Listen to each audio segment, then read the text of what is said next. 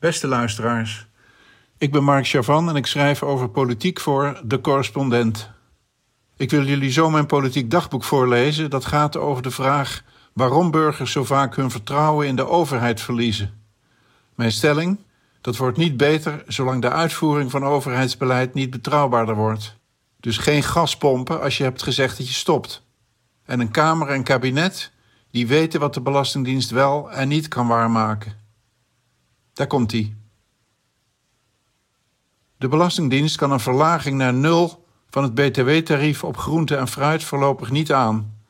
Zo verouderd zijn de computersystemen van de dienst. Daarom ook mogen ouders die het kunnen betalen nog wat langer een ton belastingvrij aan hun kinderen schenken om een huis te kopen. Computer says wait. Het is goed dat de Belastingdienst nu vooraf duidelijk heeft gemaakt dat zij aan haar systemen de wisselende wensen van Den Haag niet kunnen bijbenen. En dat het kabinet er rekening mee houdt. Dat was wel anders bij de toeslagenaffaire. Deze laatste blijken van overvraagd zijn, zullen weinig protesten veroorzaken.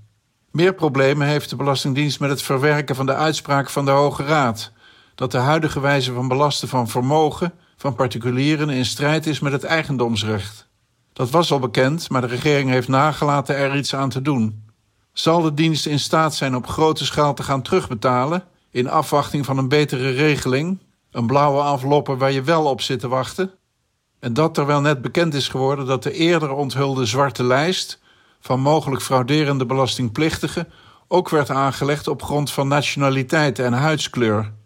De gronden om op de lijst te komen werden losjes gehanteerd. Er afkomen was vrijwel onmogelijk. De Belastingdienst deelde de lijst met andere diensten en uitvoeringsorganisaties, zodat wie ten onrechte op de zwarte lijst terechtkwam ook problemen kon krijgen met zorgverzekeraars, uitkeringsorganisaties, financiële dienstverleners en schuldhulpverlening. En in het beste geval veroordeeld werd tot een vage vuur van brieven, sommaties en onbereikbare helpdesks. Het is een zoveelste vervolg op de toeslagenaffaire dat weer zal leiden tot een chaotische stroom goedmaakbetalingen. Maar de Belastingdienst is niet de enige uitvoerende dienst van de overheid met reële problemen die leiden tot geloofwaardigheidsproblemen. De aanbesteding van een hoge snelheidslijn, de Vira, de overgang van het persoonsgebonden budget naar de Sociale Verzekeringsbank, de enorme wachtlijsten bij de rijbewijzenverlener, het CBR. Het waren epische drama's uit de recente geschiedenis van overheidsdienstverlening, die de burger het gevoel gaven bestuurd te worden door diensten waar de laatste deskundigen reeds lang waren vertrokken. Het zijn voorbeelden uit vele, en de beker is nog lang niet leeg. Hoe dat komt, daarover gaat dit politiek dagboek. Zolang politiek en bestuur niet doorhebben dat het openbaar bestuur is uitgehold en dat hapsnap automatisering niet helpt, zal het blijven gebeuren. Dat is niet alleen een probleem voor de benadeelden, maar onmachtige politiek ondermijnt vooral het geloof in de democratie, keer op keer. Het nieuwe kabinet was amper geïnstalleerd of de kerstverse staatssecretaris voor Mijnbouw moest twee keer excuses maken. Volstrekt voorspelbaar en naïef. Eén keer voor de lange online en echte wachtrijen bij een te krap berekende verstevigingssubsidie in Groningen. Het kabinet vond snel miljoenen om de pot weer bij te vullen, maar de mentale schade was gemaakt. En, ingrijpender en minder makkelijk te repareren, moest Hans Veilbrief, de staatssecretaris, excuses maken voor het afscheidscadeau van zijn voorganger, minister Blok. De mededeling dat er meer, niet minder gas opgepompt zou worden. Komend jaar 7,6 miljard kuub in plaats van de geplande 3,9 miljard kuub. Voor onszelf en voor Duitsland. Terwijl de regering bij monden van minister Wiebes en zijn opvolgers steeds had gezegd dat het volgend jaar finito was met gas winnen in Groningen. Maar blijkbaar betekent het begrip dicht in Den Haag iets anders dan in Slochteren. Ik heb samen met collega Riffy Bol gezocht in de kamerstukken en de mondelinge mededelingen van opeenvolgende bewindslieden naar wat zij concreet hebben toegezegd over het dichtdraaien van de Groninger gaskraan. Het lijkt op een mooi voorbeeld van het meel in de mond houden en blazen. Suggereren dat je klare taal spreekt. Maar samenvattend, ik kan geen aanwijzingen vinden dat de regering consequent heeft gezegd: ja, het is onze bedoeling in 2022 te stoppen met gaswinnen uit het Groningenveld, maar we zullen langer moeten doorgaan als onze buitenlandse contractpartners, dat kunnen ze tot 2030, een beroep op ons doen. Of als onze eigen voorraad door strenge winters uitgeput raakt. Of als het bouwen van capaciteit voor omzetting van geïmporteerd hoogcalorisch gas naar Nederlands, dat wil zeggen laagcalorisch gas, vertraging oploopt. Kortom, het zou stoppen met Groningen. Is het gek dat heel wat burgers zich afvragen of de overheid wel te vertrouwen is? Een hoge snelheidstrein kan kopen die het ook zwinters doet? Tijdig een rijbewijs kan uitreiken? Een helder en waterdicht toeslagensysteem kan optuigen, bij voorkeur zonder burgers als oplichters te behandelen? Nou ja, wie na jaren uit een ander land terugkeert, weet dat het vaak in Nederland ook wel weer meevalt. Er gaat een heleboel goed, ook bij de dienst toeslagen. In het Verenigd Koninkrijk hebben ze geen bevolkingsregister. Laat staan een DigiD om redelijk veilig met de overheid te communiceren. Heb je wel eens een betaling aan een burger in de VS moeten doen? Dat is pas echt omslachtig en archaïs. Maar Groningers hebben zeker recht van boosheid en verloren vertrouwen. Bij het uitbreken van de coronacrisis voorjaar 2020 werd iets anders opeens heel zichtbaar. Nederland is een archipel van overheidjes en publieke diensten, die slechts onder hoge druk en met grote moeite met elkaar communiceren. De 25 GGD'en, verantwoordelijk voor publieke gezondheid, zijn regionale samenwerkingsverbanden van gemeentelijke diensten, ieder met eigen systemen, waar volgens eigen criteria gegevens worden verzameld. In Overijssel wisten ze niet hoeveel van welk soort beschermende kleding men in Twente had. Niemand had centraal overzicht, het RIVM niet, de minister al helemaal niet. Dat leidde in het begin tot een terughoudend testbeleid.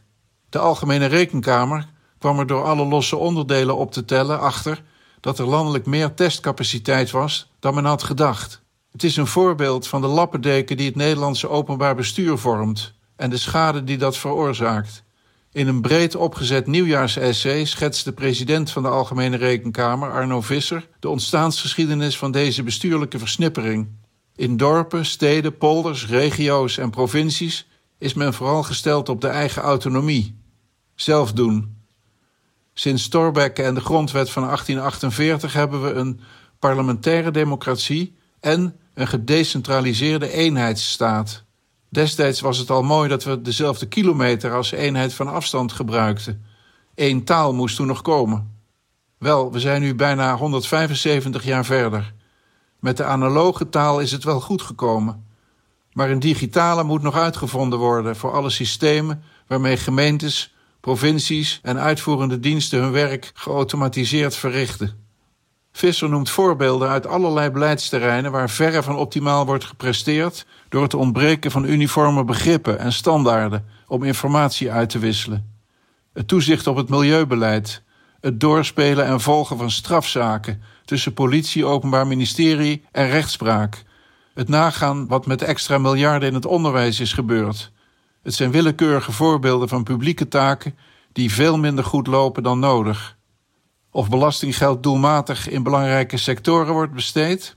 Leuk dat je het vraagt. We hebben eigenlijk geen idee. De gedecentraliseerde eenheidsstaat die Nederland heet te zijn, moet belangrijke stappen zetten om ook in de 21ste eeuw een digitale eenheidsstaat te worden. Zo gedecentraliseerd als mogelijk en gewenst, maar met overheden en diensten die dezelfde digitale taal spreken en daardoor relevante informatie kunnen uitwisselen. Natuurlijk zijn er ook bezwaren te verwachten. De belangrijkste zullen vallen onder twee noemers.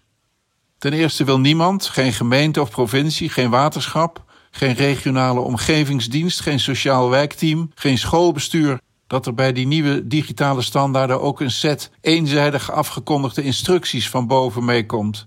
Ook daar is men sinds Thorbecke allergisch voor. Maar gemeenschappelijke informatiestandaarden maken het wel mogelijk om te vergelijken wie het goed doet en wie de beschikbare publieke middelen beter kan besteden. Het tweede bezwaar, dat ook begrijpelijk zal klinken, is het privacy-spook. De vrees dat ongeremd gekoppelde databestanden iedere schijn van een privésfeer teniet zullen doen. De zwarte lijst van de Belastingdienst, de aanhoudende aandrang om allerlei persoonsgegevens uit diverse overheidsdiensten te koppelen, zoals in het door de rechter afgeblazen Siri-project, en het nu bij de Eerste Kamer liggende wetsontwerp WGS, dat staat voor Wet Gegevensuitwisseling Samenwerkingsverbanden. De overheid wil steeds weer dataverzamelingen met elkaar verbinden, zonder de rechtsbescherming van betrokken burgers goed te kunnen garanderen. Er blijkt steeds weer gegronde vrees voor een surveillance samenleving. Beide angsten zijn begrijpelijk. Zowel de vrees voor centralistisch bestuur van bovenaf, als de vrees voor nog meer ongecontroleerde koppeling van gevoelige en deels onvoldoende geverifieerde data. Maar streven naar standaardisering van digitale gegevens op ieder gebied hoeft niet noodzakelijkerwijs te leiden tot een Big Brother samenleving. Als ziekenhuizen, scholen, gemeentes en GGD'en zo geautomatiseerd worden dat zij zich met elkaar kunnen vergelijken en van elkaar kunnen leren, zodat bij allerlei soorten crisis, of het nou pandemieën zijn of klimaat, veiligheids- of economische crisis, landelijk en regionaal een helder beeld beschikbaar is van de werkelijke feiten, dan ontstaan de beste kansen om adequaat te reageren. Als de overheid laat zien wel iets te kunnen organiseren, dan is dat dus goed voor het vertrouwen van de burger in de instituties en daarmee de democratische rechtsstaat. Het is niet zo dat men in Den Haag zich hier helemaal niet van bewust is. Vorig jaar werd de Nederlandse digitaliseringsstrategie 2021 gepresenteerd. Begin dit jaar zijn vrijwel tegelijkertijd voor het eerst een staatssecretaris voor digitale zaken en een regeringscommissaris voor de informatiehuishouding aan het werk gegaan. De Tweede Kamer heeft een vaste Kamercommissie voor digitale zaken ingesteld. Voor de meeste van deze politieke en bestuurlijke spelers zal de uitdaging worden niet te veel nieuwe commissies in te stellen en nieuwe studies te bestellen, en niet te veel politieke problemen op te lossen zonder de digitale vernieuwing aan te pakken. Om het oog op de bal te houden. Het gaat er steeds om de democratische rechtsstaat te versterken. Hoe verweven, ingrijpend en ongelijksoortig al die systemen eigenlijk zijn, wordt goed beschreven in het deze week verschenen boek Volwassen Digitale Overheid. De schrijver Arjen Witlak is directeur van de Kafka-brigade, die overbodige en niet goed werkende overheidsbureaucratie bestudeert. Hoe systemen die met de beste bedoelingen, efficiënte dienstverlening tegen een redelijke prijs, zijn ingericht, burgers soms toch vast kunnen draaien, illustreert Witlak uit een rijke studie- en adviespraktijk. Witlak is niet uit op zondebokken. Hij waarschuwt voor een eenzijdig privacygevecht en legt de nodige nadruk op het publieke belang en de rechtsbescherming van de burger en hoe die centraal moet staan bij het inrichten van overheids-ICT. Hij legt uit met welke beperkte instructies en verdienmodel publieke systemen vaak worden opgezet. Als je voornaamste gereedschap een hamer is, veranderen dingen al snel in spijkers. Is de instructie fraude opsporen, dan zoekt het systeem naar mogelijke aanwijzingen voor fraude. Het UWV, de justitie en de Belastingdienst hebben daarop gestuurd naar misbruikgevallen die publieke en politieke verontwaardiging wekten. De gewenste opbrengsten werden meegeprogrammeerd. Die eenzijdigheid gaat ten koste van een menselijke kijk op individuele burgers. Als dan de besluitvorming ook geautomatiseerd wordt, duurt het even voordat ambtenaren en politici zien dat mensen in de knel komen. Witlak legt uit hoe een fout in één systeem, bijvoorbeeld de gemeentelijke basisadministratie, kan leiden tot fouten in tientallen systemen van de overheid. Het kan individuele burgers jaren kosten om in al die systemen van UWV, zorgverzekeraar, CBS, CBR enzovoort te laten rechtzetten dat ze niet dood zijn. Witlak geeft een voorbeeld uit 2013 van de onwrikbaarheid van te scherp en zuinig afgerichte systemen. Het voorbeeld is ontleend aan een advies van de Raad van State. Het gaat over trajectcontroles op snelwegen. Campers en auto's met een fietsenrek werden aangezien voor auto's met een aanhangwagen, die nu eenmaal minder hard mogen rijden. Ze werden daarom regelmatig bekeurd wegens snelheidsovertredingen. Het systeem kon alleen de lengte van voertuigen meten.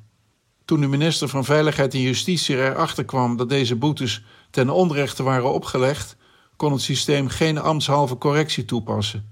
De beboete burgers moesten zelf maar bezwaar aantekenen. Computer says too difficult. Witlak schetst de gedaanteverandering die de overheid op alle niveaus heeft ondergaan. Vrijwel alles is gedigitaliseerd. Handig en soepel als het werkt, in potentie rampzalig als je tussen de raderen van de machine komt. De systemen van de overheid verdelen volautomatisch 156 miljard euro per jaar alleen al aan kinderbijslag, WW en belastingteruggave. Dat is 60% van de jaarlijkse inkomsten van de staat. Via 7,2 miljoen inkomensafhankelijke toeslagen, zoals huurtoeslag en zorgtoeslag, wordt 12,9 miljard euro uitbetaald. De overheid doet via het UWV 19,1 miljoen betalingen de deur uit en verstuurt, zonder dat er een mens aan te pas komt, 4,3 miljoen verkeersboetes ieder jaar. Hij concludeert: als we kijken naar de kern van wat de overheid doet, besluiten nemen en gezaghebbend waarden toedelen, dan is de conclusie dat automatische besluitvorming de kern is van het openbaar bestuur vandaag. Witlag helpt met zijn boek realistischer te kijken naar de enorme beslisfabriek en datarotonde die de overheid is geworden. Zoals dat iedere technische innovatie een soms onbedoelde sociale innovatie met zich meebrengt, terwijl de regels vaak onveranderd blijven. Veel uitvoering van beleid is intussen gedelegeerd aan systemen. Wie kan ze overzien en er verantwoordelijkheid voor nemen? Gebreken in uitvoerende overheidssystemen ondermijnen iedere dag het gezag van de overheid en de democratische politiek die daar in theorie de baas over is. Drup, drup, drup. Het verloren vertrouwen kan alleen worden herwonnen als de dienstverlening aan de burger weer centraal komt te staan en de systemen controleerbare uitvoering mogelijk maken, zodat iedere burger kan zien wie zijn gegevens heeft en wat ermee is gebeurd, zodat de rechtsbescherming bij geautomatiseerde beslissingen niet uit het zicht raakt, zodat de overheid haar taken doelmatiger kan uitvoeren, omdat voor het beleid relevante gegevens beschikbaar zijn. Daarvoor is een overtuigingsoffensief nodig bij al die instanties en overheden die lekker hun eigen soorten data blijven verzamelen. Dat kan alleen slagen als iedere standaardisering van data gepaard gaat met waargemaakte garanties voor zinvolle autonomie van besluitvorming bij decentrale overheden, bij scholen, de rechtspraak, de wetenschap en andere door professionals geleide uitvoerende diensten, zoals de gezondheidszorg en adviesorganen. Eenheid en beschikbaarheid van gegevens kan de zuurstof van een vernieuwde democratie zijn, met inbegrip van burgerraden die het ook niet kunnen zonder goede informatie en een overheid die van betrouwbaar uitvoeren weet. De nieuwe minister van Binnenlandse Zaken, Hanke Bruins-Slot, presenteerde in de Tweede Kamer deze dagen de hoofdlijnen van beleid ter versterking van de overheid, waarmee vertrouwen van Nederlanders in politiek en overheid hersteld kan worden. Een lange zin, een wat krom geformuleerd pakketje voornemens uit het coalitieakkoord, verpakt in een optimistische brief. De nieuwe minister gaat de staatscommissie rechtsstaat instellen. Weten we nog niet voldoende wat eraan schort? Maar verder noemt zij nuttige dingen, als enig werk maken van de voorstellen van de staatscommissie parlementair stelsel, constitutionele toetsing bevorderen en de informatiepositie van de Tweede Kamer verbeteren. De nieuwe minister kwam nog niet helemaal los van het papier, maar één aandachtspunt met een hoofdletter A zou moeten zijn de burgergerichte redigitalisering van de overheid. Er is een staatssecretaris voor aangesteld, maar wie de democratie in haar portefeuille heeft, kan alles verder rustig laten zitten als de overheid blijft wanpresteren op de momenten dat het er voor de burger echt op aankomt. Computer says, get your act together. Dat was hem. Dank voor het luisteren. Ben je nog geen lid van de correspondent? Word dat dan en maak onze journalistiek mede mogelijk. Ga naar decorrespondent.nl schuine streep word lid en meld je aan. Bedankt.